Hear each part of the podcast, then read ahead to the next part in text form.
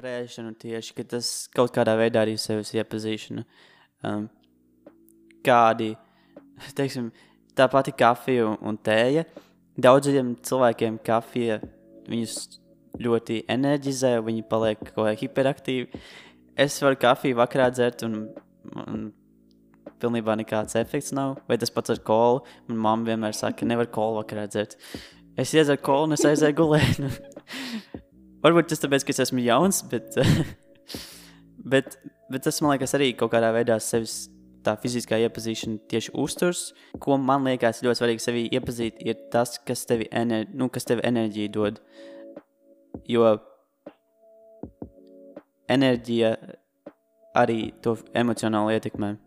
Bet šeit jau arī ir tas, ka emocionāli, no vispār tik ļoti esmu pārbaudījis to, ka emocionālais ļoti, ļoti ir kā pamats fiziskajam.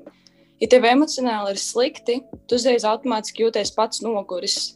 Tev ir nogurums, tev ir besis, tev nav spēka piecelties, tev nāk miegs. Un tas ir tāpēc, ka tu jūties noguris fiziski, nu, nevis fiziski, bet garīgi. Un, ja tu jūties noguris garīgi, tu automātiski negribēsi darīt neko fiziski.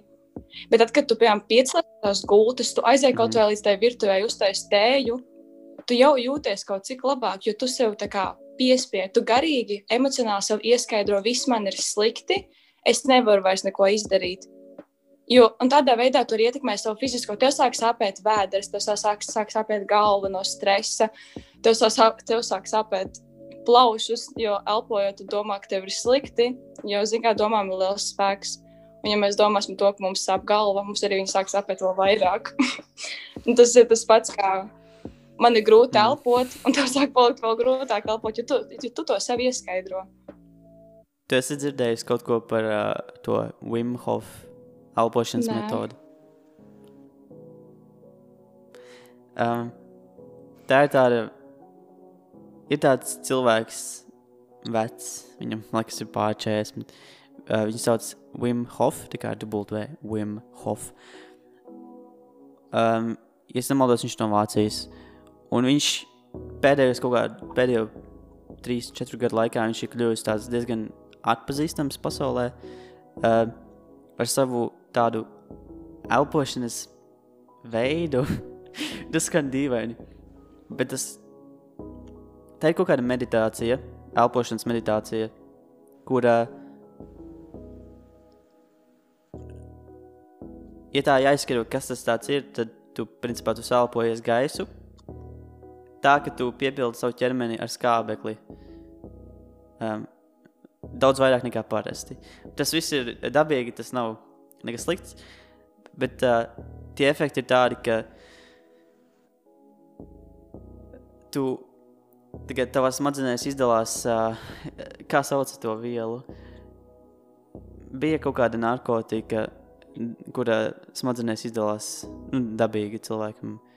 Uh, DTMT, DM, DMT Jā, man liekas. Es, es zinu, ka ir Zin tāda tādu? viela, bet es neatceros, kā viņu sauc. Labi, es tagad nevaru nekur iegūglēt. Bet DMT ir. Uh, ja, tu, ja tu piecas dienas sēdēsi tumšā istabā, tad tev smadzenes dabiski sāks izdalīt to vielu. Um, es tagad neatceros to, to, to zinātnisko izskaidrojumu tam visam. Uh, Uh, bet mūki, viņi, viņiem ir kaut kāds tur, nu, tie budisti, man liekas, ka viņiem ir kaut kāds tas, uh, ne rituāls, bet uh, kaut kāds uzdevums viņu tajā kļūšanā par, par mūku, kurā viņiem ir, kā es teicu, piecas, piecas dienas jāpavada tumšā istabā, un tad viņiem tur halucinācijas rādās un viss kaut kādas lietas.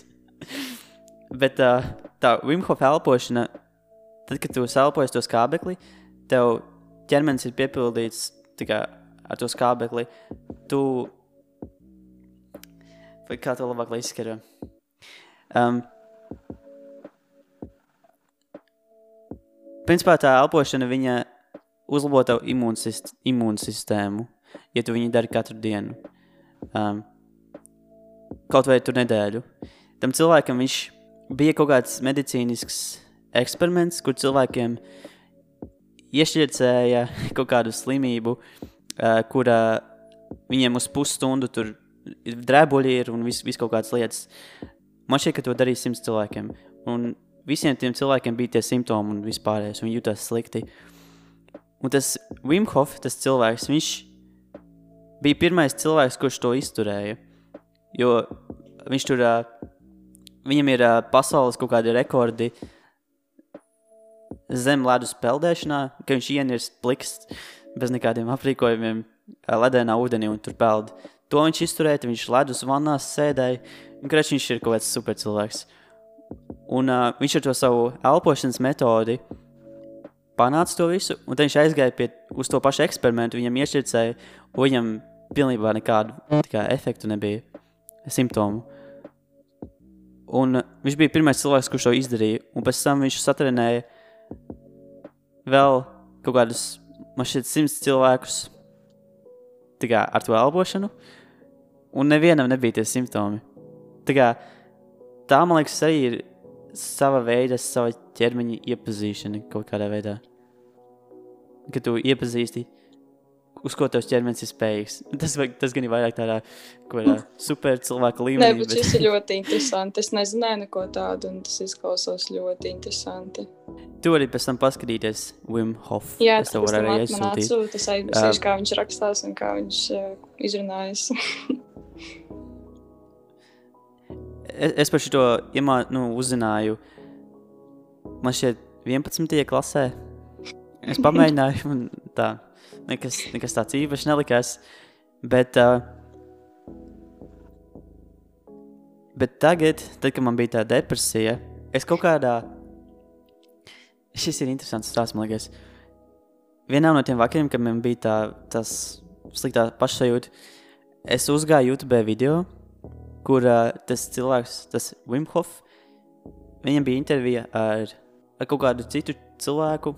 Es neatceros viņa YouTube kanālu bet viņi tagad darīja to elpošanu intervijas laikā. Un tas bija ar domu parādīt tiem cilvēkiem, kuriem skatās, piemēram, man, tikai kā to dara. Es tā joku pēc izdomāju, vienkārši līdzdarīt.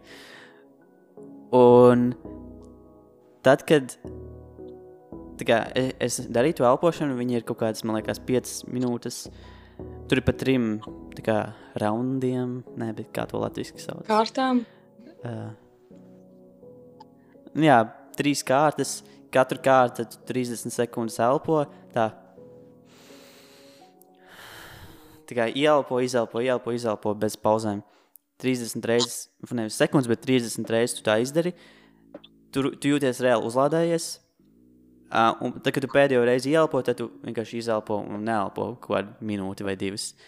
Un tev nemaz negribās elpot, jo tas tik uzlādējies ar to skābekli. Uh, un es tā izdarīju, tas, tos trīs raundus, un man, man reāli, man pēc tam, es jūtos reāli priecīgs. Kā, es vienkārši smaidīju.